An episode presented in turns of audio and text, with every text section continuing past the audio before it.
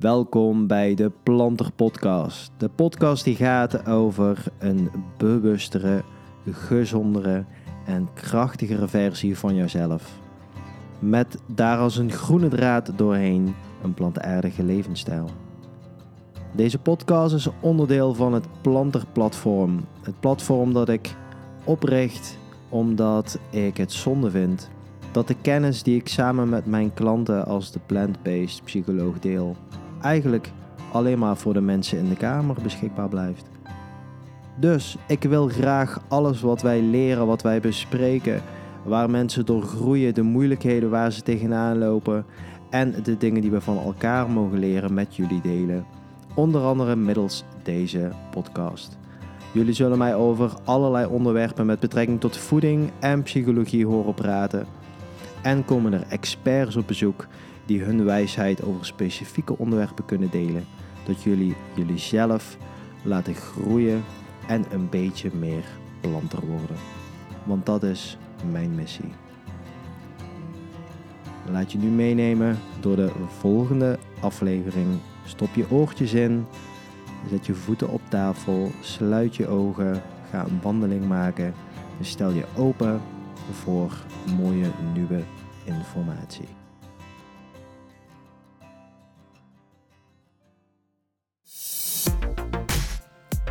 Ja, vandaag heb ik voor het eerst Cornij te gast. Een uh, vriend van mij, fellow vegan, uh, ontzettende sportieve gozer met het hart op de goede plek. En um, jullie gaan vandaag met hem kennis maken. En we gaan het eigenlijk hebben over best veel dingen. Over de relatie met voeding, over uh, taartjes eten, wat gezond is en wat niet. De moeilijkheden die mensen kunnen hebben met het ondernemen van een gezondere levensstijl. Zowel uh, binnen de sport als uh, met voeding. Hoe dat bij ons persoonlijk zit. Een paar guilty pleasures. En een paar mooie gouden tips op het einde van uh, deze personal trainer. Zodat mensen die niet weten wanneer, of niet weten waar ze stappen moeten zetten, wat ze als eerste moeten doen en wat kan, dat ze daar wat meer informatie over hebben en zo hopelijk een stukje dichter bij hun doel kunnen komen. Wij vonden het in ieder geval ontzettend leuk om dit gesprek met jullie te mogen delen. Uh, dus ga er even lekker van genieten en uh, laat alles op jullie uh, inwerken. Right, enjoy!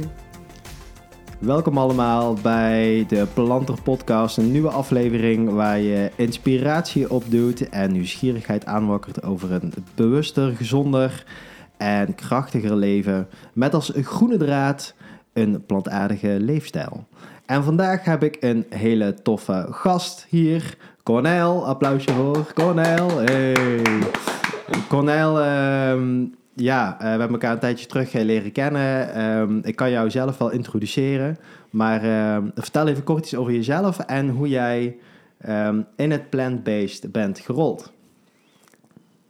Ja, dankjewel Casper uh, voor deze aankondiging. Ja, korte introductie. hoe ben ik op het plant-based pad gekomen? Eigenlijk vond ik voeding en sport altijd heel interessant. Uh, totdat ik ging studeren. Toen uh, had het alcohol en het feesten altijd de boventoon.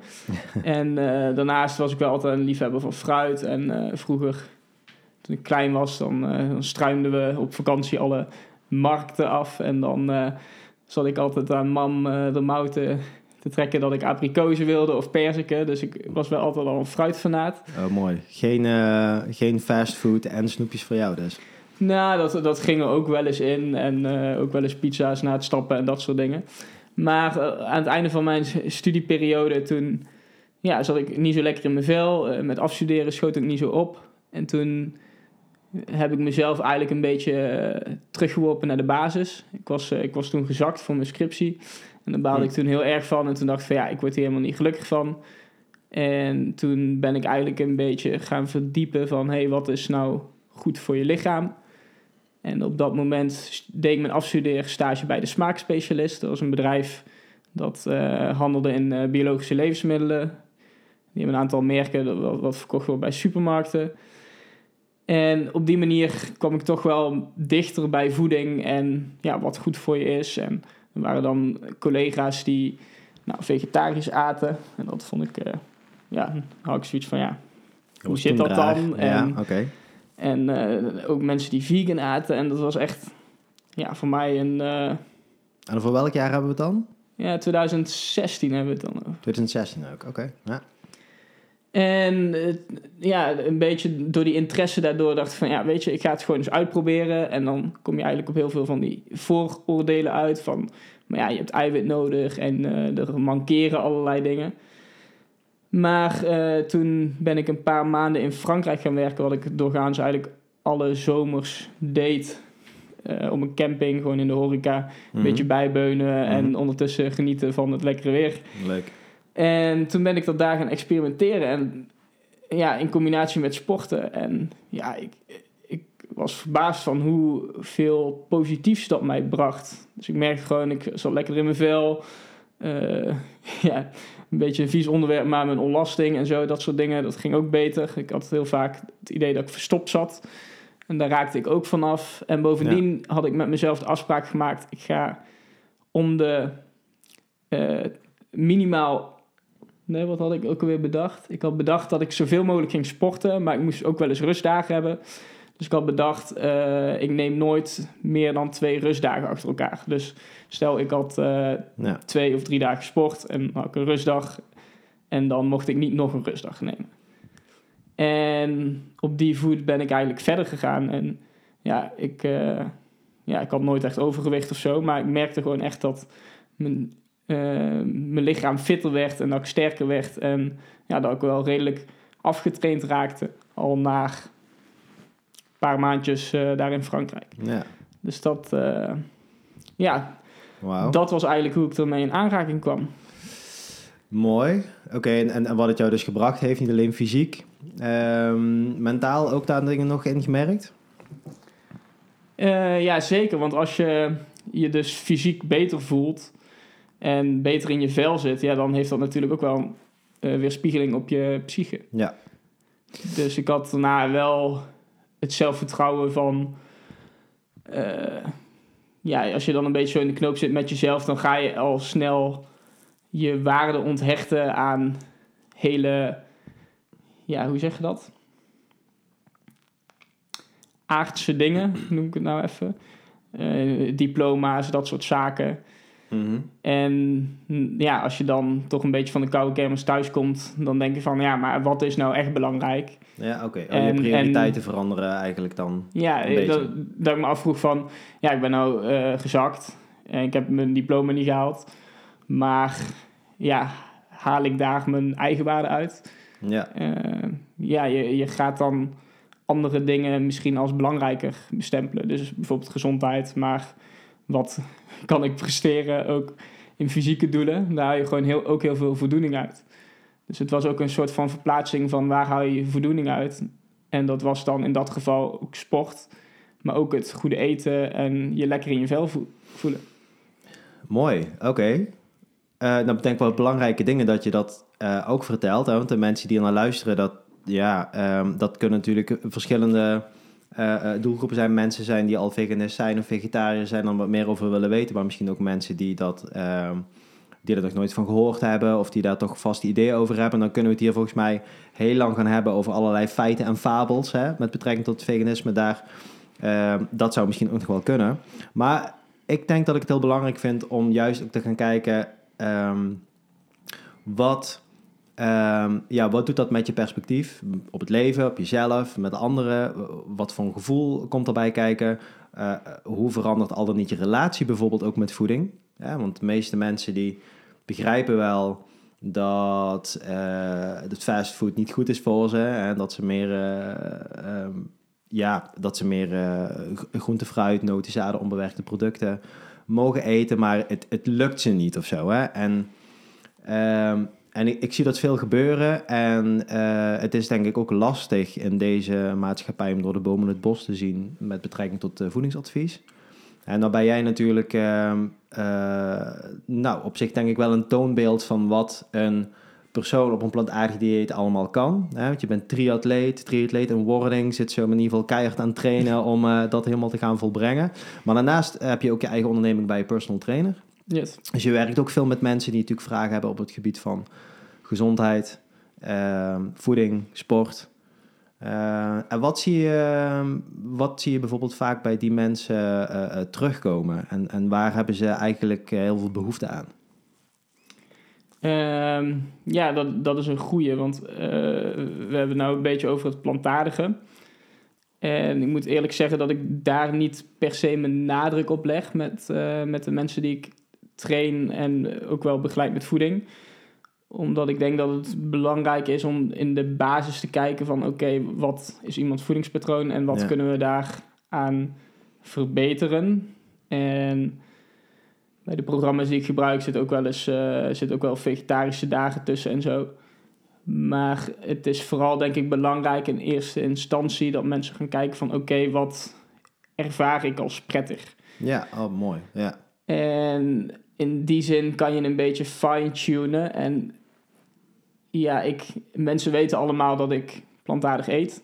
Want ik, ja, ja, ik wil niet zeggen pronken, maar het is toch wel een beetje ook wel mijn Ja. handelsmerk. Ja, Eh, ja. Het, het is iets waar ik wel in geloof en waarvan ik weet van wat het mij gebracht heeft. Alleen eh, vind ik wel dat zoiets vaak uit intrinsieke motivatie komt. ja. Eh, en dat Mooi, je niet, dus, die, die, dus echt een drive van binnenin van ik ga die verandering maken. Maar Ja. dat is, jij bent niet zo iemand van ik ga je niet helpen als jij dat niet wil. We kijken waar jij staat, wat je nodig hebt. Wat al dan niet zo net binnen buiten je comfortzone ligt om te kunnen groeien Ja. en vanuit daaruit stapjes te maken. Ja, en wat, wat vaak mensen lastig vinden is, is gewoon wat, wat is gezond. Dus ik denk dat eh, ja, mensen hebben vaak moeite om genoeg groente en fruit zeg maar, in hun dagelijks leven te, te matchen. En, ja en met de voedingsprogramma's waar wij mee werken is dat wel redelijk op afgestemd.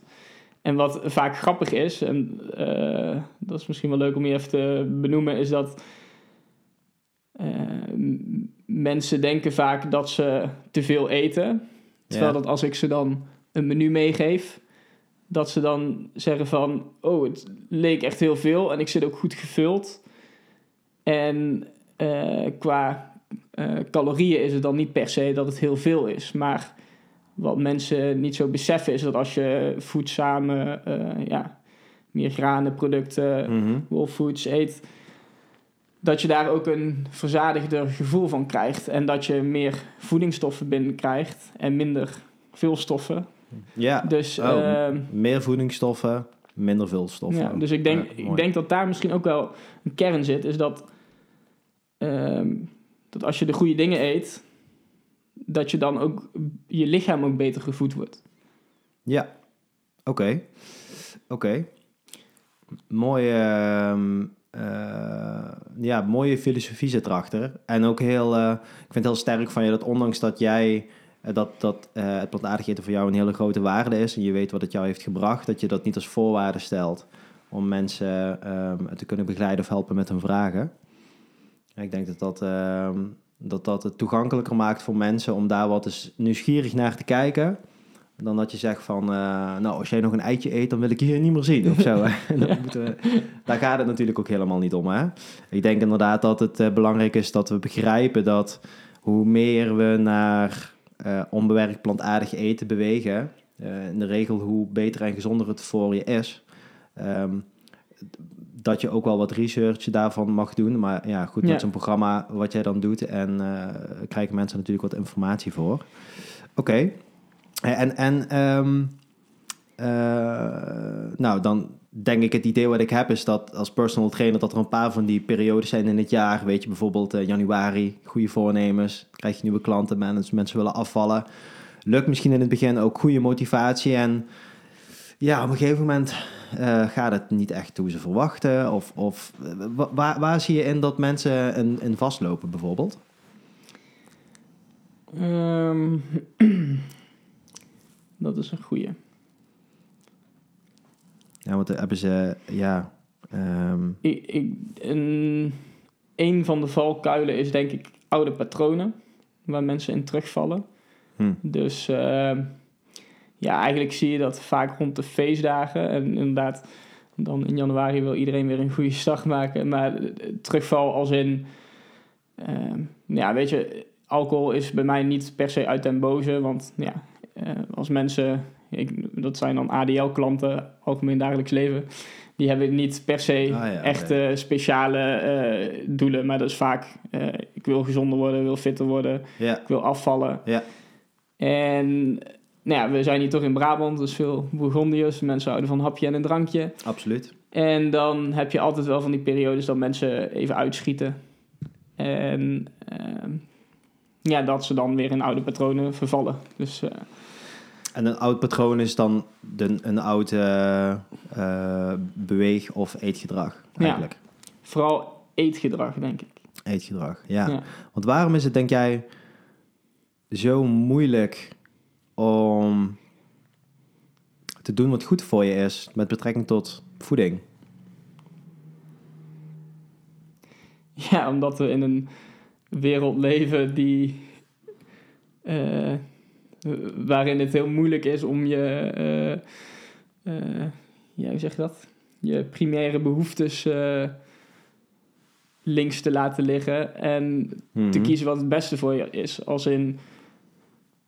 ik heb er een gewoonte van gemaakt om gezonde dingen in huis te halen. Mhm. Maar als jij een, een druk werkleven hebt Mhm. en je, je bent veel onderweg, dat zie je ook vaak bij mensen, Ja. dan, moet je, dan ben je afhankelijk van dingen waar je langs rijdt of langs komt.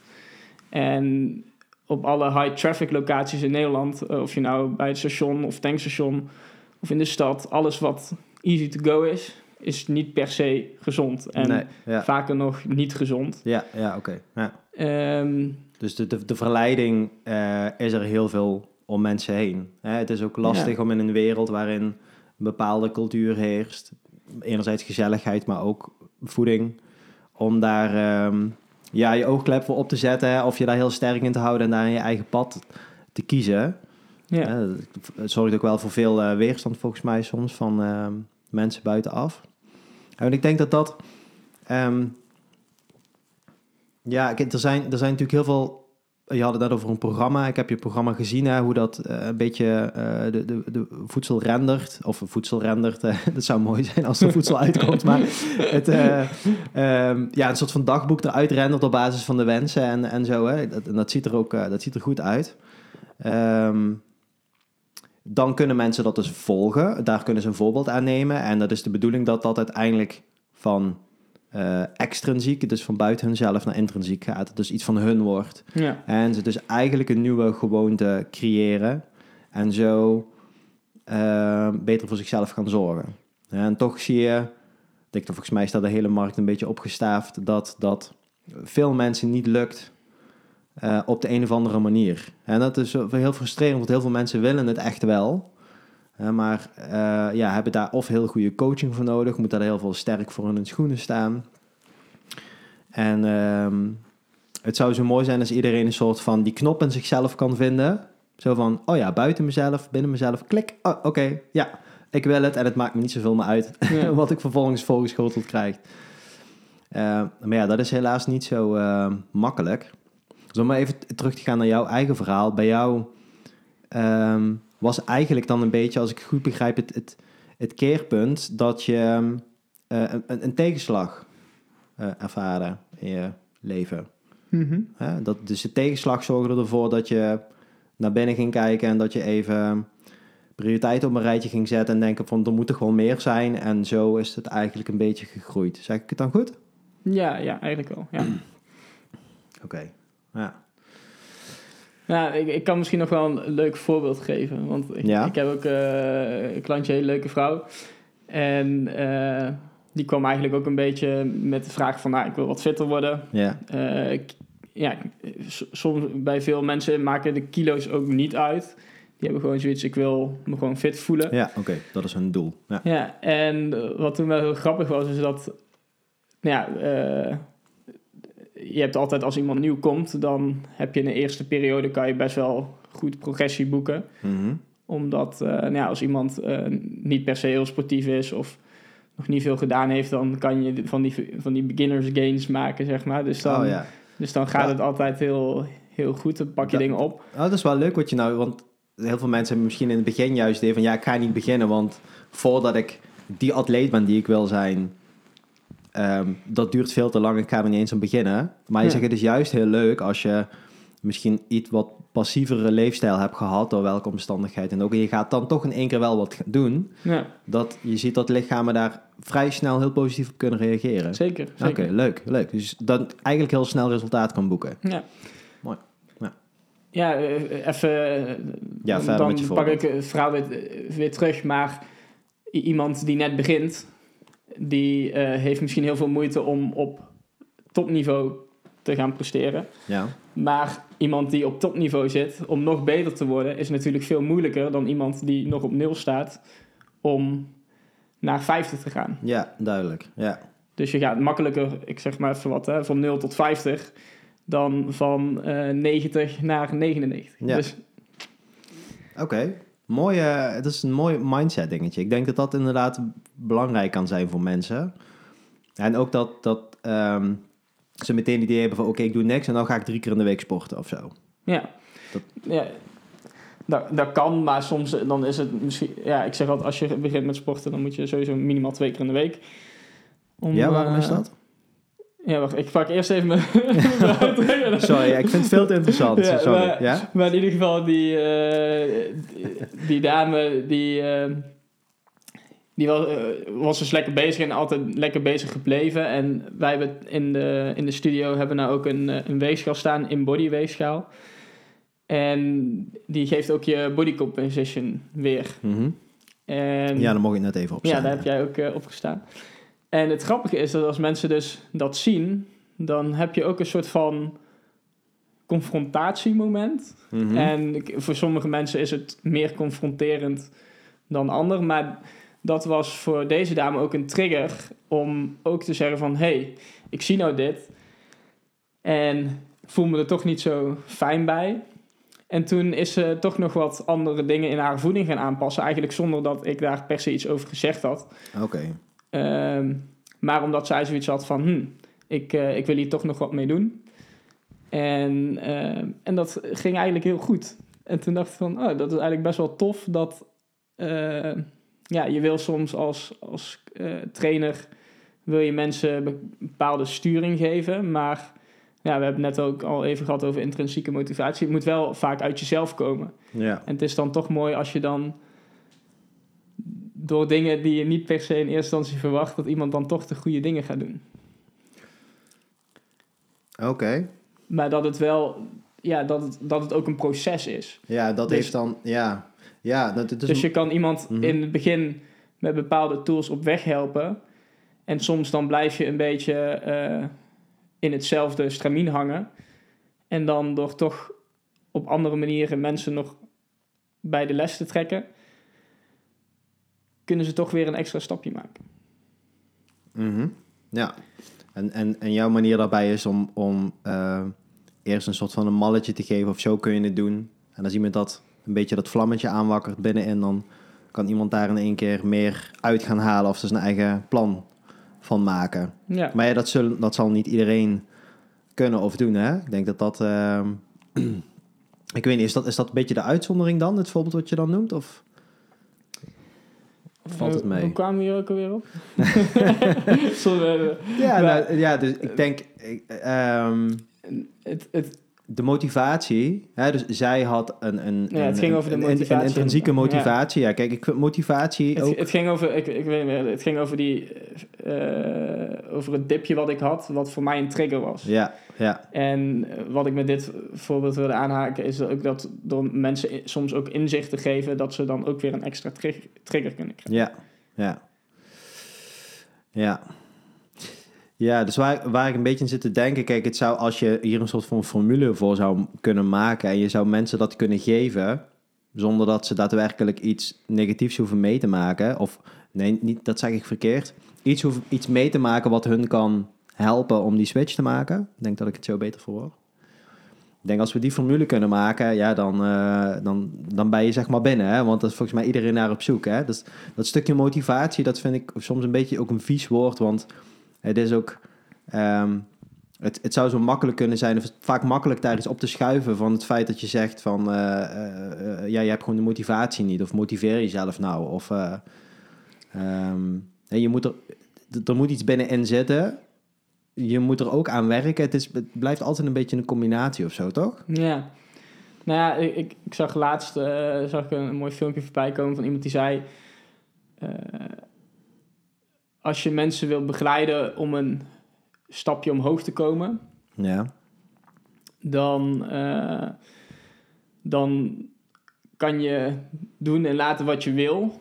Maar als diegene het zelf niet wil, dan zal je nooit dat stapje omhoog kunnen maken. ja, En dan maakte hij nog een vergelijking met als mensen jou omlaag willen drukken, dat je uit eh, bij, mensen, bij zulke mensen uit de buurt ja, moet blijven. Want als Ja. mensen je omlaag willen drukken, dat lukt vaak wel. ja, dus van die mensen kan je beter wegmaken. Maar ehm, wat ik heel kenmerkend vond, het is natuurlijk wel, je kan soms aan mensen trekken, maar als ze niet dat zelf willen, dan lukt het ook niet. Je kan wel, je kan wel dingen, je kan een handreiking doen Mhm. in, in beeldspraak en dan kunnen mensen die hand aanreiken.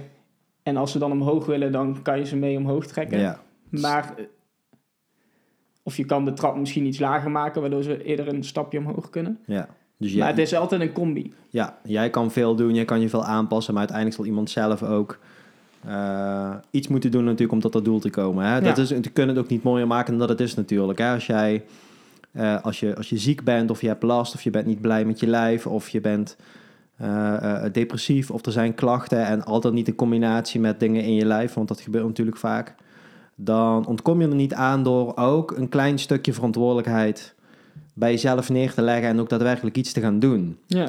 Hè, en dat, ehm, dat is misschien een beetje hard voor me om te zeggen, naar de mensen die hier luisteren. Hè, te zeggen, nou, daar zit daar, eh, zitten daar twee jonge gasten, eentje uh, triatleten en een andere die sport lekker als hobby. En ik heb overal last van, ik kan, ik kan dat niet.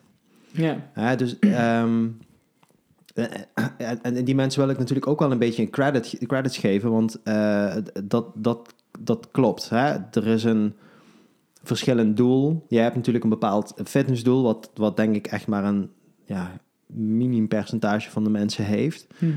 Ja, wat uh, misschien wel ergens in het summum van uh, menselijk presteren zit of zo. Zo'n triathlon van Ironman. Maar laten we dan eens even hebben over uh, een heel ander kantstuk. Want je hebt nou best wel wat verteld van je, ja, hoe je, hoe je uh, in het plantaardig eten bent gerold. Je hebt wat verteld over je ervaring als coach. Maar hoe is jouw relatie met voeding? Wat zijn jouw guilty pleasures? En, en uh, doe jij stiekem wel dingen die je dus niet adviseert aan anderen? Hoe zit dat bij jou? Ik heb er zelf wel een paar, maar ik wil ze graag van jou weten. nou, ik wil ze dadelijk zeker horen. uh, mijn relatie met voeding. ja, ja hè? dat is er eentje. Hè? Married to food. uh, ja, ik zie, ik zie voeding echt als... Uh, dat komt ook wel echt door het personal training geven als, als brandstof. Ja. Um, en ik hou, echt, ik hou echt heel erg van eten. ja, dat doen wij vegans inderdaad. Wij houden heel erg van eten, ja. vergeet dat niet. Ja, wat, ja mooi is, ik hou niet zo van rotzooi. Dus ik, ja, ik, heb, ik, ja, ik heb nog wel eens gehad dat, ik, dat er dan iemand jarig is en dan is er een stuk taart. En dan iedere keer dan denk ik van, ah ja, weet je, kan wel. En ja. dan iedere keer dan heb ik dat stuk taart op en dan denk ik, oh, goh. Ja, wat gebeurt er dan? Want je zegt, ugh, hè, want je zit hier en mensen kunnen het niet zien, hè, yeah. maar je trekt dan zo, ugh. Wat, wat is er dan met dat stuk taart of daarna wat, je, wat dat hol is? Ja, dat is, dat is denk ik toch dat mijn lichaam... Uh, ja, ik ben door het vegan eten ben ik ook wel achtergekomen... als ik dan wel eens een keer iets van zuivel neem... dat mijn lichaam daar niet zo lekker op gaat. Dan krijg ik ook vaak wel puistjes en zo. Uh, ah, dus overigens is dat wel interessant... want heel veel mensen zijn eigenlijk lactose intolerant... maar weten dat niet, want je... Uh, hoe noem je dat? Je bouwt tolerantie eigenlijk op. Ja. Waardoor de effecten daarvan minder worden. Um, maar het is een beetje zoals een McDonald's. Dan, je, je, je hebt dan iets op en je, als, je, als je het eet, dan, ben je, dan is het lekker. En in het geval van taart is het lekker zoet. En dan is het lekker, maar dan daarna dan krijg je misschien toch dat suikerdipje. Of je weet in ieder geval van, ja, misschien is het toch je lichaam dat zegt van, dit was niet zo goed, jongen. Ah, ja, oké. ik, ik denk dat, dat dat wel zou kunnen zijn. Maar dat, ja, maar dit is dus, want zonder dat jij dus iets doet of, of boos op jezelf wordt of uh, vanuit schuld hanteert dat jij iets hebt gegeten wat slecht voor je is, geeft jouw lichaam eigenlijk aan, nou, dit was niet zo heel erg chill wat je nu naar binnen hebt gepropt. Ja. En, en dat niet fijn gevoel wat je dan krijgt, dat helpt je bijvoorbeeld de volgende keer als je er zin in zou hebben om een andere keuze te maken. Denk je, ja, dat, zo wil ik me eigenlijk dus niet voelen. Nee. Oké. Ja, ik heb met Koningsdag heb ik oprecht bewust geen oranje tompoes of zo op. Want soms dan, dan uh, ja, sorry uh, vegan goden, maar... zeker niet, zeker niet. Ja. Nee, maar nee, ik, ben, ik ben daar niet uh, extreem strikt in. want ik vind ook niet dat de gezelligheid er echt onder moet leiden. Dus in, vaak in sociale situaties, als iemand iets, iets voor je kookt... of je bent ergens op bezoek, ja. dan, dan gaat het ook wel eens met een knipoog. Maar het heeft mij met Koningsdag in ieder geval van weerhouden om, om een oranje tompoes te eten. Want ik dacht van ja, dan ga ik dadelijk eten en dan, dan voelt dat niet je. Ja, oké. Want ik denk dat dat, um, als je het hebt over motivatie of intrinsieke motivatie, um, ja, hoe moet ik dat zeggen? dat um, mensen die prikkels soms niet goed kunnen interpreteren of niet krijgen, omdat ze al langer, uh, uh, ik noem maar even jouw voorbeeld, dan taartjes eten bijvoorbeeld. Als je iedere dag een taartje eet, dan zal je lichaam op een gegeven moment niet meer die prikkel geven. Of je wordt niet meer uh, ja, gevoelig voor die prikkel. Ja. Maar hm. bedoel je daar misschien ook mee te zeggen dat het kan zijn dat mensen zich bij wijze van spreken in uh, de prikkel niet goed interpreteren. Dus mensen die eigenlijk niet goed eten, dat die prikkels krijgen, maar dat niet relateren aan het eten en dat ze zich slecht voelen en dat misschien aan andere emotionele zaken gaan denken, in plaats van dat het misschien aan hun eten ligt. Ja, ja. Ik denk dat. Um, uh, ik denk dat mijn overtuiging hè, en, en het programma en de, de, de masterclass die ik heb opgenomen heel erg gaan over de, uh, de relatie die je met voeding hebt en daarachter komen, wat is nou echt goede voeding voor mij? En dan kom je Ja. alleen maar achter door bewust te zijn over hoe jouw lichaam reageert op iets wat je gaat eten, bent aan het eten of hebt gegeten.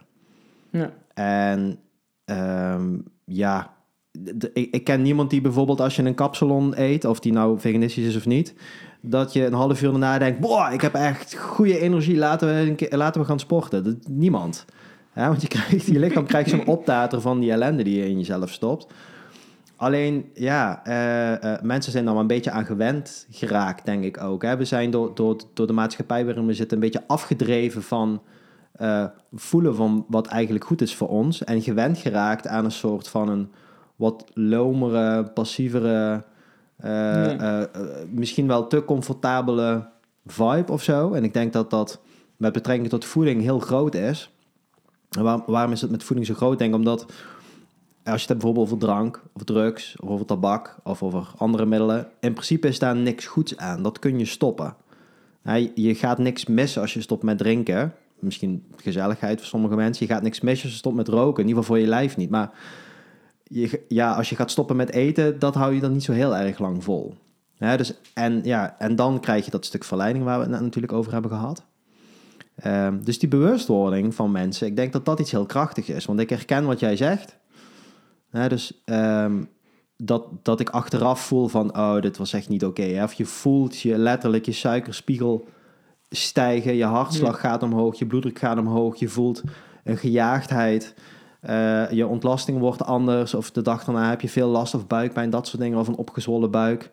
Dingen die je merkt op het moment dat je natuurlijk iets verandert. Nou, misschien schrikken mensen nu wel. Die denken, ja, als ik nooit meer een taartje kan eten, dan laat maar zitten natuurlijk, hè? Ja, het, het grappige is wel, eh, wat, wat ik net eigenlijk ook wil zeggen, dat als ik... eh, je hebt ook andere dingen. Ik, ik heb wel eens eh, keto brood gemaakt of zo. En daar gaan dan hele andere dingen in. Keto brood. Ja, dat, daar ging, wat ging daar dan in? Daar ging, gaat bijvoorbeeld avocados in, eh, kokosolie, Ah ja, oké. eh, ja. Ja. amandelmeel en dan maar, zoiets, maar ook bananenbrood Mhm. of worteltaart. Ja, dat kan soms ook wel suikerig zijn. Maar als, je, als ik dat soort gebakjes eet, dan heb ik dus helemaal niet zo'n zo'n naar gevoel. Of no, eh, cheesecake, waar, waar, waarvan je de cheese Ja. dan van... eh Is dan bijvoorbeeld tofu of zo? Of, eh, ja, anders? tofu of soaked cashew nuts. eh, Ja. ja, weet je... Nou, er zijn er mensen die denken, hoezo tofu in mijn cheesecake? Ja. Maar hè, echt heel lekker. Ja, dat is Hè? echt... Ja. Als je het inderdaad goed maakt of ergens goed vandaan haalt. Oké, dus je zegt van als je... ehm, En Ja? ja, wacht, nog iets wat me nou te binnen schiet, is wat eigenlijk heel grappig is als je kijkt naar bijvoorbeeld de Haribo snoepjes. ja, Die, die zijn ook altijd afgeleid van fruit. En ik, ik zei al in het begin van ik hou heel erg van fruit. ja, En ik eet iedere dag ook best wel veel fruit. ja. En eigenlijk is dat gewoon de candy of Mother Nature. Ja, ja, dat klopt. Ja. Ja. Dus waarom, waarom zit je een zak eh, Haribo eh perzikjes of banaantjes of apenkoppen die naar banaan smaken?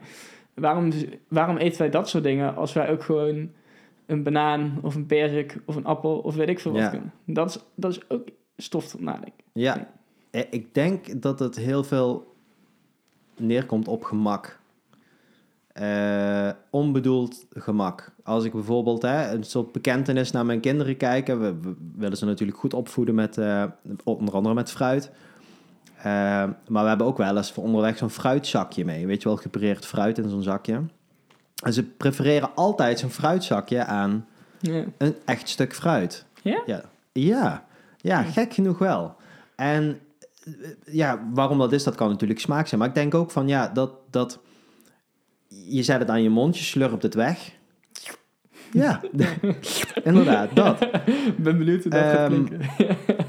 Dat is gemakkelijker dan een appel pakken, Ja. wassen of verschillen zelfs, stukken snijden, happen, eten. Ja. Terwijl dat hele proces natuurlijk van die appel tot je nemen en het eten en het kauwen natuurlijk ook heel anders is dan zo'n zakje natuurlijk Ja. leegzuigen. Hè? Maar Ehm, zit, zit er dan eh, ge- geen bewerkte dingen in of zo? Of, eh, nee, ja, en dat daarin, nee, daarin dan inderdaad zo? niet. Nee, nee. Ja. Ehm, ik, ik, ik, ja, voor mijzelf denk ik er niet aan om zo'n zakje te nemen. Dat is ook niet dat, dat ik dat bewust doe of zo, maar Hm. voor mij is de keuze altijd simpel. Ehm, maar goed, ik denk dat heel veel mensen daar, daar wel tegen aanlopen. Kijk, een stuk fruit is op zich, eh, eigenlijk is het fantastisch. Hè? Het is inderdaad wat je zegt, nature's candy. Het, het, het, het, zit, het zit verpakt. Als je kijkt naar een appel, is het eigenlijk heel goed beschermd. Ehm, eh, dus het, het, is, het is al voorverpakt. Je kunt het meteen eten. En als het klaar is, kun je het weggooien. En je hebt ook nog eens geen afval. En er groeit potentieel een nieuwe appelboom ook nog uit. Ja. Ja, dus je wordt soort van bemoedigd om het ook nog eens uit je autoraampje te gooien. Pas wel op voor tegenliggers natuurlijk. Ehm, ja, maar ehm, als je daar zo inderdaad, over na gaat denken, wat je zei net, een beetje stof tot nadenken. Ja. Hoe ver we eigenlijk af zijn gegaan van wat goed voor je is, wat, wat we, waarvoor we zijn gemaakt om te eten. Het feit dat we bepaalde, dat we natuurlijk handen en vingers hebben om dingen te plukken, fijne dingen, dat we een kleur zien, hè, zodat we rijpe vruchten kunnen herkennen. Ons verteringsstelsel wat lang is, zodat we plantaardig voedsel kunnen verteren in tegenstelling tot eh carnivoren of roofdieren of dergelijke dingen. Maar goed, dan zijn we dadelijk weer een beetje het veganisme aan het eh, verkopen. Dat wil ik natuurlijk niet. Nee, die bewustwording, ik denk dat vind ik een hele belangrijke. En ik ben zelf ook nog een beetje op zoek. Kijk, ik denk als mensen natuurlijk wel zo'n taartje willen eten of ze willen wel iets drinken. Net zei je ook al van, dat is niet per se bij jou uit den boze. Ik vind het wel mooi. Mensen mogen daar wat liever in zijn. Ja. Hè, het hoeft niet totaal niet. Het hoeft niet meteen eh, het intermittent fasting te zijn of zo, dat je maar acht uur mag eten. Het kan super goed werken en kan heel veel voor je metabolisme doen, maar het kan voor zoveel mensen zo'n mega stap zijn. Ja. Ja, alle kleine beetjes, denk ik, helpen als jij ehm, maar lief bent voor jezelf en daar een beetje experimenteel mee aan de slag gaat en heel goed voelt. Over dat stukje voelen heb ik ook in mijn masterclass extra dingen uitgelegd. Ook over hoe je zelfs voordat je iets gaat eten, eh, al bij jezelf kan testen of dat iets is. Dat, ehm, dat bij je kan passen. Precies, ja, de spiertesten. Hè? Dus ehm, eh, voor mensen die dat nog niet hebben, kunnen dat eh, vinden op de website. Ehm, Maar Ja. ik, ik, ik, wou, ik wou nog even terugpassen, want ja, we deden net een beetje lacherig over de relatie met voeding. En dat jij ook nog wat eh, guilty pleasures. Dus die... eh, oh jee, oh jee. ja, nou, ik kan, echt, ik kan echt wel lekker snoepen. Ik, er zijn periodes dat ik...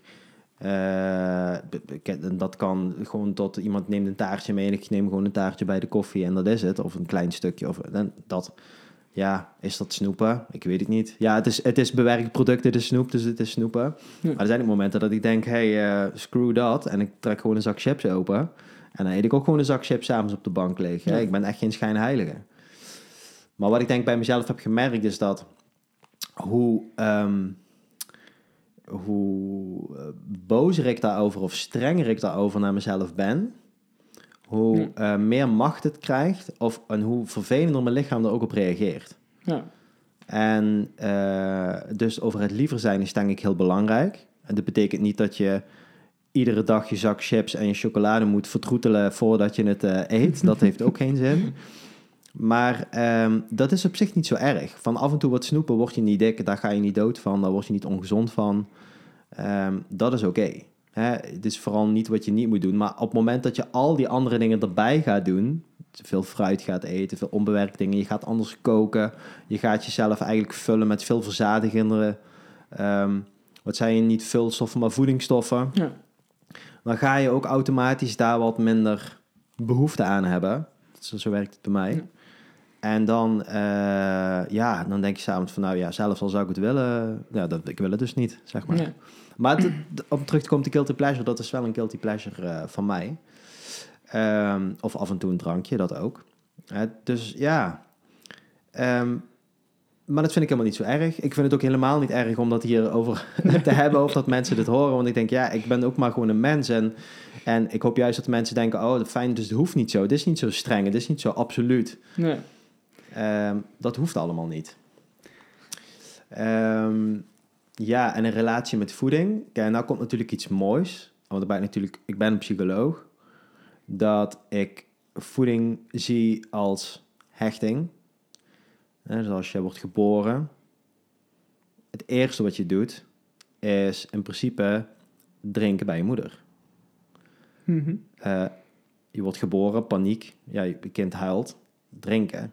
Ehm, dat is eigenlijk de eerste dagen. Is het niks anders dan slapen en eten. Slapen en eten. En zo bouw je hechting op met je moeder in eerste instantie. Dus het is denk ik ook helemaal niet zo gek dat emotie en voeding zo ontzettend dicht bij elkaar liggen. Ik denk stiekem dat we allemaal emotieeters zijn. Maar niet dat we allemaal per se altijd hele slechte dingen eten als we ons slecht voelen. Maar dat als je zo beredeneert dat het ook niet gek is dat dingen die ons snel troost geven, de suikerrijke, vetrijke, bewerkte producten zijn, die geven natuurlijk vrij snel, ja, misschien meteen instant, als je het in je mond op zelf als je zo'n chips, chipzak opentrekt, weet je, die walm die dan, ja, kan, ik, ik heb er nu geen zin in, dus nu walk ik er een beetje van, maar als je er echt zin in hebt, denk je, oh, dat zout en die ik heb nou even, wat voor chips eet jij dan? ja, dat is zo- van die Doritos of zo, weet ik veel. En, dan, en, dan, en, dan, en dan stop je het in je mond en dan krijg je even zo'n, heel even zo'n rush van al, al die smaakstoffen die natuurlijk allemaal erin gepeperd zijn, allemaal chemische dingen. Je koudt, je slikt af Ja. en meteen is het weg ook.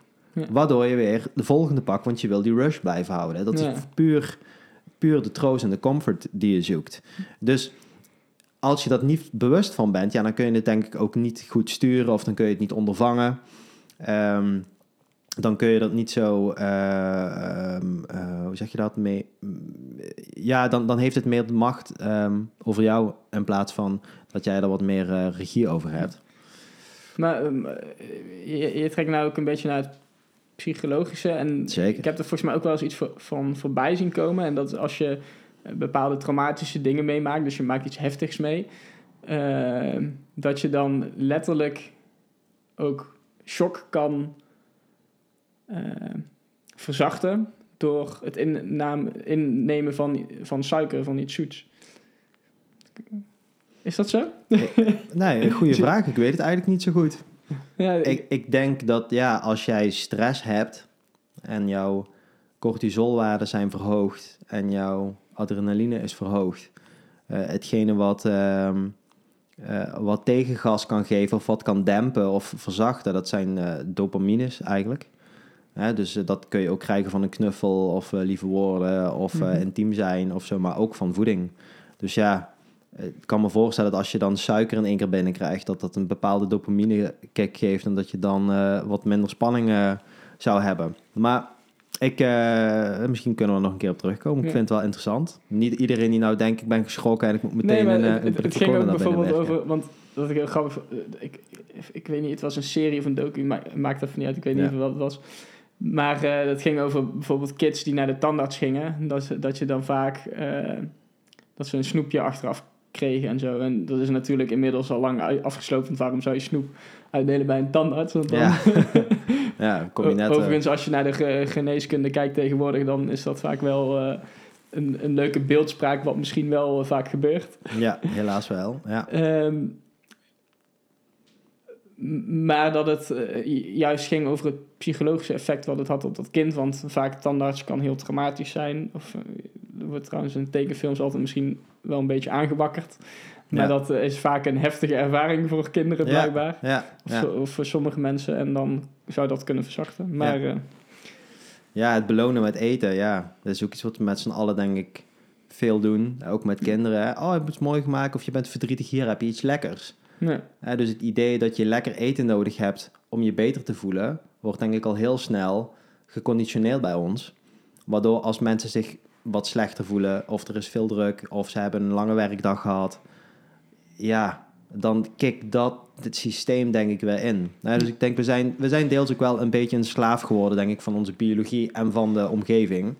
Dus het kost, eh, het kost moeite om daar uit te breken. En mij lukt het dus ook niet iedere dag. Of soms merk ik als ik moe ben dat dat gebeurt. Ja.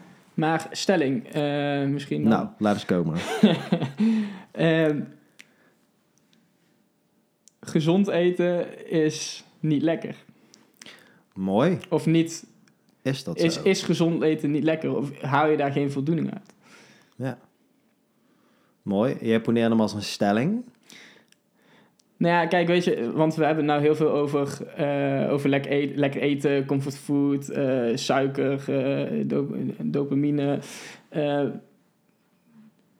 maar dat wakkert bij mij een beetje de vraag aan, en misschien ook wel wat een beetje stere- stereotyperend is, is dat we eigenlijk gezonde dingen ook een beetje wegcijferen Mhm. als misschien niet smaakvol. En Ja. en misschien voor ons ook wel een beetje de taak om te vertellen dat, dat gezond eten ook heel lekker en heel smaakvol kan zijn. Ja, is dat zo? nou, ik, eh, ik heb net een hele lekkere eh, smoothie, eh, Ja. ice cream bowl-achtig. eh, Ja, de nice cream. ja. Ja. Ehm, en en wat, wat zat er allemaal in? Dat mag, Ja. mag je even opnoemen. Nou, vooral fruit. Hè? Dus eh, banaan, bevroren banaan. Eh, lekker om bananenijs mee te maken, overigens, zei je ook Ja. al. Bevroren aardbei, bevroren spinazie. En eh, wat zat er nog meer bij? Mango. Nou, vervolgens een beetje plantmelk. Vegan proteïnepoeder met een lekker smaakje. En ja, we hadden in één keer een soort ijs smoothie bowl van naar het sporten. ja. Erg smakelijk, zowel een beetje sweet and savory. Hè, met eigenlijk ehm, een hele pure ingrediënten. De proteïnepoeder had ook helemaal niet ingehoeven, per se. Eh, maar dat was een leuke extra. Maar klopt, ik denk dat je gelijk hebt dat het stereotype heet van... oké, als ik dus geen zoete dingen meer mag, ik mag geen snoep... ik mag geen drank, ik mag geen vlees, ik mag geen vis... ja, wat hou ik dan over? Mijn aardappel en mijn sla. Ja, daar eh, koop ik niks voor. Dat is inderdaad vies. Ehm, terwijl ik met je eens ben dat het eerder een, ehm, een weg eh, baant voor je en de deuren openmaakt tot het uitvogelen van nieuwe smaken. ja. Ja, toch? Ik weet niet hoe jij. Hoe, heb je het idee dat jouw smaak daarin bijvoorbeeld is veranderd? Of eh, jouw visie op wat lekker en niet lekker zou zijn? Oeh. Moet ik een beetje teruggraven. Maar ik, weet- ik weet nog wel eh, over dat stagebedrijf waar ik toen werkte, eh, dat, dat daar producten ook voorbij kwamen dat ik dacht van, wat is dit? En het was toen ook een beetje die tijd van superfoods en zo. En dan had je Ah, oké. Eh, steppengras en... eh, Ja, ja. go- maar ook de goji-bessen en dat soort dingen. Ja. Ehm, maar wat ik ook nog nooit op had was... eh, ehm, wat was het? Couscous. Of eh, ja, misschien wel eens op. Of, maar parelcouscous. Couscous. Eh, Oh, quinoa. Ja, heel veel. Ja. heel- Is het quinoa of quinoa? ja. Laten we het quinoa noemen. Voor nu. Oké. Eh, volgens mij kan het allebei, maar zolang we elkaar maar begrijpen, Precies, dan, dan is het goed. Ehm, ja, en ik weet niet, ik ben altijd al wel iemand geweest die met, eh, graag met kruiden kookt. Mhm. En wat ik ook ging doen was bijvoorbeeld als ik pasta ging koken, nou ja, je kan de pasta koken in water en dan is het goed. Maar wat je ook bijvoorbeeld kan doen, is je kookt je pasta al, redelijk al dente en dan doe je het in een wokpan. Gooi er nog wat olijfolie overheen en wat eh, Italiaanse kruiden Ja. en wat zout en peper. En dan kan je ook wel echt veel, heel veel smaak toevoegen. En ik hield wel altijd van, van veel smaak, dus ik kookte eigenlijk altijd wel met kruiden. Maar wat ik ook wel vaak zag als ik bij, vooral in mijn studententijd, ergens Mhm. anders ging eten, dat er weinig met kruiden gedaan wordt. Dus ja. ik denk niet dat mijn smaak per se heel veranderd is. Of dat er sneller bijvoorbeeld ketchup of eh, curry of mayo bij wordt gekwakt. Ja, dat en dan wordt ook heb je al snel smaak of zo uit het flesje. ja. Toch? Ja, dat is, ja, maar het, het gaat juist om die kruiden. Ja, Niet- oké, dus jij zegt kruiden. Ja. Ik denk ook dat is, ehm, als je zelf eh, wat sauzen leert maken, en twee of drie of zo, dat je dan ook... ja, wat ehm, voor sauzen bedoel je dan? Nou ja, ik denk dat dat heb ik ook van derde. Hè? Dus ehm, ehm, dat in principe bijvoorbeeld, eh, nou zeg dat je een, een maaltijd salade maakt. Dus Ja. je hebt ehm, sla, je gooit er wat noten overheen. eh, al dan niet wat, een beetje rijst of couscous, of wat graan of dergelijke. Ehm, eh, misschien wat fruit of andere groentjes eroverheen. Maar goed, dan heb je alsnog droge rauwkost. En dan moet ik mensen wel gelijk geven. Want ik denk, ja, als ik dat weg zou moeten knauwen, dat doe ik wel. Dat kan ik ook best wel oké vinden. Maar echt lekker, moi. Dus wat er dan helpt, is om iets doorheen te doen. Wat Ja. natuurlijk, en dan kun je ook wel droge kruiden eroverheen gooien. Dat kan, nou, gewoon slaakkruiden of een beetje zout en peper. Maar saus. Eh, ik heb gemerkt dat soort van een hele goede basisdrager is bijvoorbeeld eh sojayoghurt. En je Hm. kan bijvoorbeeld sojayoghurt eroverheen doen en dan een beetje eh, agavesiroop eroverheen met dille. Dan heb je eigenlijk een beetje zoet, romig en hartig. En als je ook gaat nadenken over smaak, dus zoet, zout, zuur, bitter en umami eventueel nog. Hè? Ja. Dat gooi ik niet zo snel in een saus, moet ik je bekennen. Eh, maar dat je zo altijd, als je eh, bedenkt welke smaak heb ik het meest op mijn, op mijn bord liggen, dat je dat kunt soort van balanceren met een, eh, met een saus die je zelf kan maken. Eh, daar zijn ook wel recepten over te vinden. Dus ja, het, het zorgt misschien wel voor soms wat extra werk. Al kun je zo'n saus ook wel al eh, maken ehm, van tevoren. En toch merk ik dat als ik echt snel iets in elkaar flans, dat ik eigenlijk altijd een mega smakelijke maaltijdsalade eh, heb. Eh, wa- wat de tomatensaus, ook uit een blikje, daar kun je ook van alles van vinden, maar dat doe ik ook gewoon. En ehm, door, door meer te kijken, wat ligt er op mijn bord? Welke kleuren zie ik? Welke smaken zijn dit? Wat mis ik? Waar heb ik ook behoefte aan? Een andere moment kun je juist heel erg veel zin in zoet hebben. Andere moment misschien wel meer een hartig of wat zouterig. Kan natuurlijk met jaargetijden te maken hebben ook. Dus in plaats van concrete recepten te delen, want daar kunnen we denk ik ook nog een podcast over maken, kan veel meer helpen om, te, om een beetje zo te gaan denken. De, smaakmakers. Hoe, ja, hoe- ja, en, ja, en Ja. en wat mensen zelf ook lekker vinden. ja. Dus anderen vinden misschien een beetje dat, wat je van een citroen hebt, een beetje dat tangy, dat waar je, waar je weet je, mensen die nu zijn het luisteren, die krijgen misschien ook van die speekselklieren die nu samentrekken. Dat sommige mensen vinden dat heel lekker, sommige mensen vinden het verschrikkelijk. En als dat in een recept zit, dan matcht het voor die mensen al meteen niet. ja. Ja, dus ik vind het veel belangrijk om na te denken over wat dan, eh, hoe- mensen dus zelf hun maaltijd bereiden. Dus ja, Koriander. of koriander, nou ja, ook zoiets inderdaad. Sommige ja, mensen. ik, ik, eh, ik had niet, niet door dat je die insteek had. Maar ja, eh, zo kan je inderdaad ook goede smaak toevoegen. Ja. Ik heb ook wel meestal ja, een soort van vinaigrette. Ik vond vroeger vond ik altijd Oh ja, vreselijk als zeker. mijn moeder dat op tafel zette. Dan zei ik altijd, alsjeblieft, gooi het er niet over. ja, ja. en op een gegeven moment ga je dat ook wel leren. Ga je het waarderen. ja. Ja. Eh, ja, dus Ja. goede, goede toevoegen. Nou ja, Maar hebben, hebben we nog goede smaakhacks dan? Smaakhacks. Ja, niet, niet zo eentje op een bezem, maar eh, Ja, ja, niks smaak om. Ja. van het hacken. ja. Nou, ik vind edelgist echt een hele goeie. ja, klopt. Hè, is edelgist is, eh, ja, het, is een gist wat je, ik koop bij, eh, je kun je bij een natuurwinkel kopen of bij de tuinen, maar ook bij het kruidvat tegenwoordig. Ja. Eh, er zit wel smaakverschil in. Het zijn een soort van eh, eh, vlokken eigenlijk. Ja, ehm, het heeft een beetje nootachtige, kaasachtige smaak. Hè? Dus voordat de vegan kazen er waren, werd dat eigenlijk altijd gebruikt als kaasvervanger. Wat ik eigenlijk dus heel erg lekker ben beginnen te vinden. En het zit ook nog vol met B-vitamines.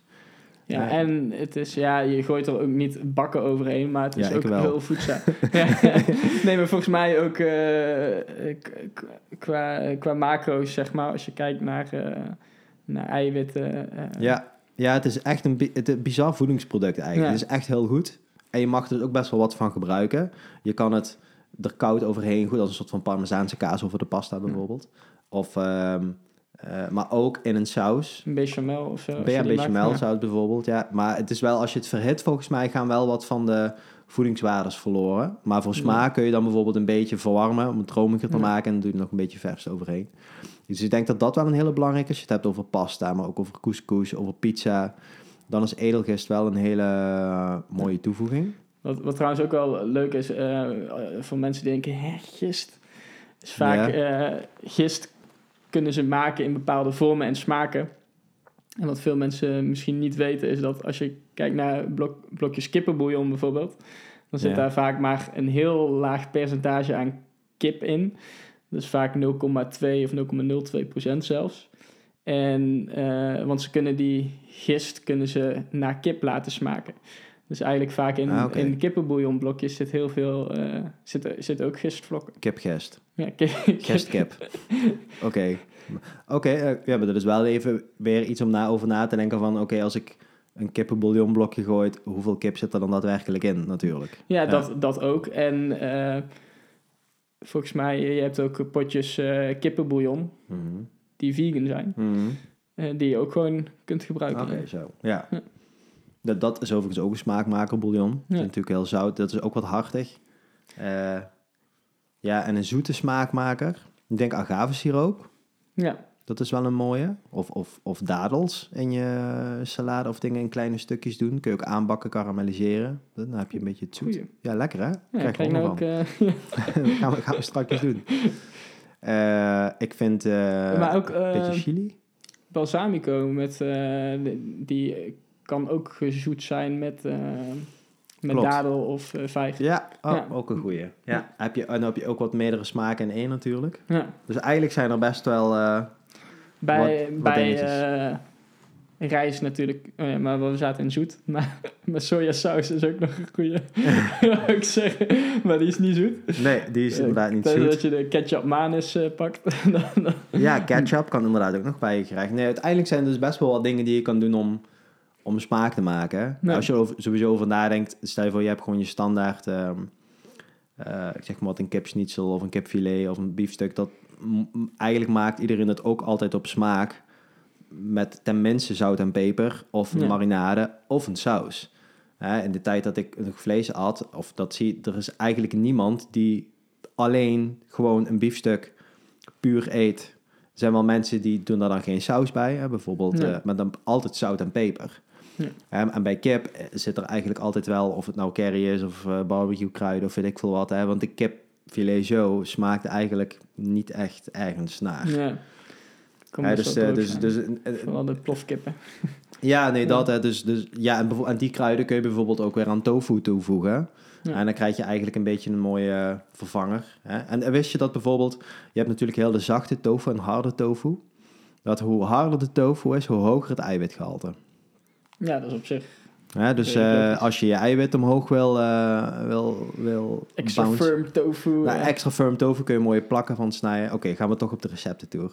hey, we gaan... ehm, ik, ik, nou, ik denk dat het een hele mooie mix is van, van, van een stukje relatie met voeding, een stukje recepten, geschiedenis, veganisme, ehm, de psychologie erachter eh, en kennismaking met jou. Ehm, mogelijk kan je hem nog, eh, eh, gaan we nog vaker om tafel zitten.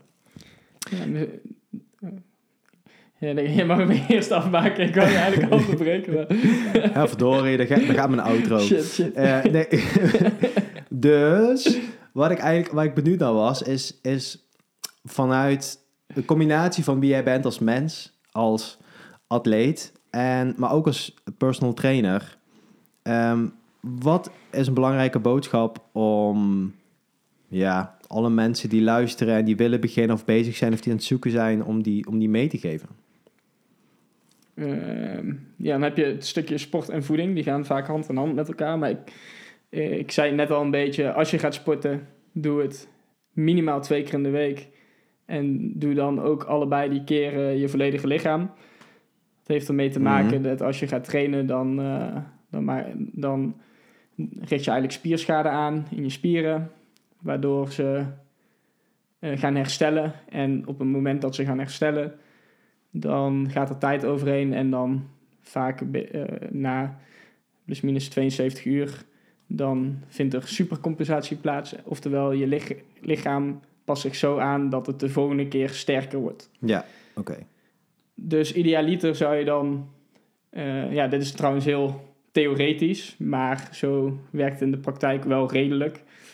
Dus het is wel zo, als je getraind hebt, dan wil je wat uitrusten en daarna wil je weer trainen. En zo bouw je dat rustig op. Dus als je gaat trainen, dan heeft één dag in de week heeft geen zin als jij iets wil opbouwen.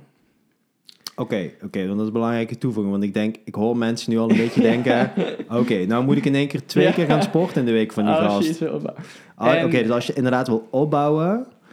en je wil een, een, een, een, een, een spiergroei zien, een sterker worden... en daarmee echt je fitheid verhogen op een, op een ja, wat, wat ander level... dan moet je in ieder geval twee keer per week sporten. Dan heeft één keer geen zin en dat is ook frustrerend. Als je denkt, ik ga één keer in de week...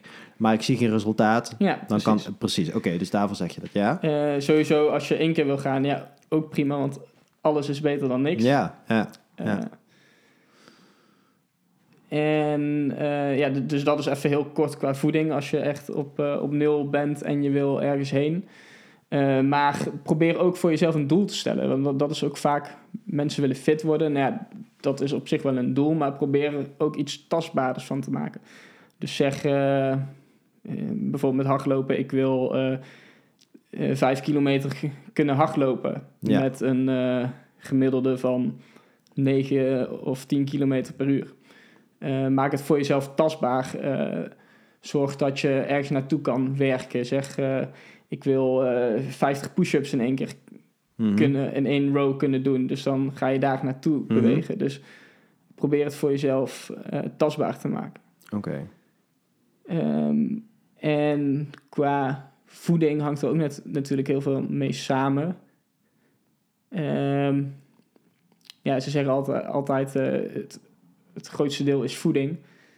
En we hebben natuurlijk Ja. net over heel veel ongezonde dingen gehad. Ik denk dat bij heel veel mensen winst valt te behalen door het minimaliseren. Niet helemaal niks doen, maar het minimaliseren van eh, slechtere voeding.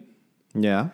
Dus eh, eh, zit jij iedere dag op de bank met een zak chips bij van probeer dat te beperken naar misschien één dag een beetje in het weekend of zo. Probeer Mhm. d- daar voor jezelf een maat eh, in te nemen, maar probeer het ook niet in huis te halen, want vaak als je het in huis hebt, dan pak je het ook weer eerder. Dus of doe het op een plek waar je minder snel komt. Dus leg het ergens in de voorraadkast achterin, zodat je jezelf behoedt voor impulsen. En eh, kijk naar je groente- en fruitinname. Probeer door meer groente en fruit te eten bijvoorbeeld, Mhm. Ben je ook verzadigder. Dus dan moet er misschien iets aan de andere kant wat slechter is eraf vallen, omdat je al verzadigd bent. Ja, ja, Ja. ja. Oké. Nou, dat zijn, dat zijn eh, even de hele basic dingen. En misschien denken mensen, ja, dat, eh, dat weet ik wel. Maar ja, ga het maar eens doen. ja. ja, ja, nou en daarom wil ik inderdaad wel toevoegen, want je zegt dingen, al, al- alles klopt wat je zegt. Hè? Er is eigenlijk geen spel tussen te krijgen. Mensen weten het denk ik inderdaad ook wel grotendeels. Ik zou er misschien nog aan willen toevoegen, maak het vooral ook leuk voor jezelf. Ga spelen. Ga eens kijken wat het je oplevert als je een bepaalde periode iets wel of niet doet. Dus als jij, eh, ik zeg maar wat, wil stoppen met drinken, dan betekent het niet dat je nooit meer een druppel alcohol mag aanraken. Maar kijk dan bijvoorbeeld, ho- hoe lang zou ik het vol kunnen houden om dat eventjes niet te doen? Wat levert het mij op? Wat, wat zou ik er voor beloning voor kunnen krijgen? Ga ik dat samen met iemand anders doen? Gaan we er een spel van maken?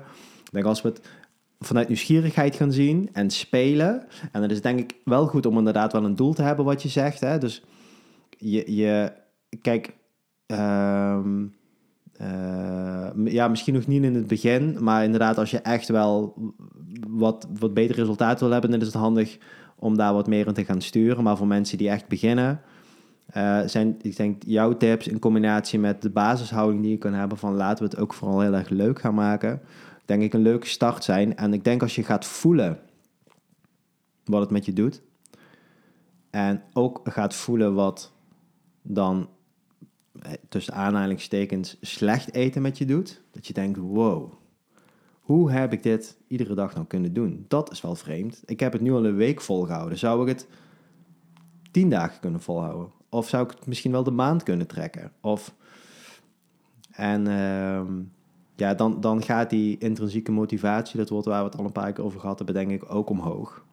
En dan Ja. wordt het heel interessant om dat wat concreter te gaan eh, maken. Ja. Oké. Maar het- doel hoeft dus niet altijd per se heel concreet te zijn. Maar ja, je kan de vergelijking maken. eh, Je hebt een richting nodig. Als je zegt, ik, ga naar, Nee ik wil naar het noorden toe. Ja. Dan weet je in ieder geval dat je niet naar het zuiden moet. En ik denk dat, ja, weet je, en, en, en soms, soms kan je misschien iets Ja, denken van, oh wacht, duidelijk. ik moet even achterom kijken en iets uit het zuiden pakken. Maar je weet in ieder geval welk, ja, welke richting je op Ja, moet. duidelijk. Ja. Duidelijk. Helder. Oké. Mee eens. Mooi. Oké. Nou, eh ja, Cornel, dank je wel voor, ehm, voor dit eh, gesprek, de kennismaking eh, met jou in, de, in deze podcast. En ehm, eh, ik denk dat wij elkaar nog wel vaker gaan spreken, want er zijn al een hoop thema's voorbij gekomen die ehm, eh, aandacht eh, kunnen en mogen krijgen. Dus als mensen dingen luisteren en er vragen over hebben of er meer over willen weten, misschien specifiek naar jou toe, dan kunnen we dat verzamelen en daar bijvoorbeeld ook een keer over gaan hebben. Ehm, ja, dus nogmaals bedankt. En wij gaan dadelijk ook iets lekkers eten, denk ik. Ik heb er honger van gekregen. Oké. Dat gaan we zeker doen. Wow, dat was echt weer een leuke aflevering om te maken. Ik hoop dat je er net zo van hebt genoten bij het luisteren als ik van het maken. Ik hoop dat je lekker nieuwsgierig bent geworden. Dat je nieuwe energie hebt om te spelen met de informatie die we hebben gedeeld. Met voeding, met sport, met het thema waar we het over hebben gehad. En mocht je nou meer vragen hebben, meer willen opzoeken of contact willen leggen, ga dan naar www.planter.nl. Dat is plntr.nl.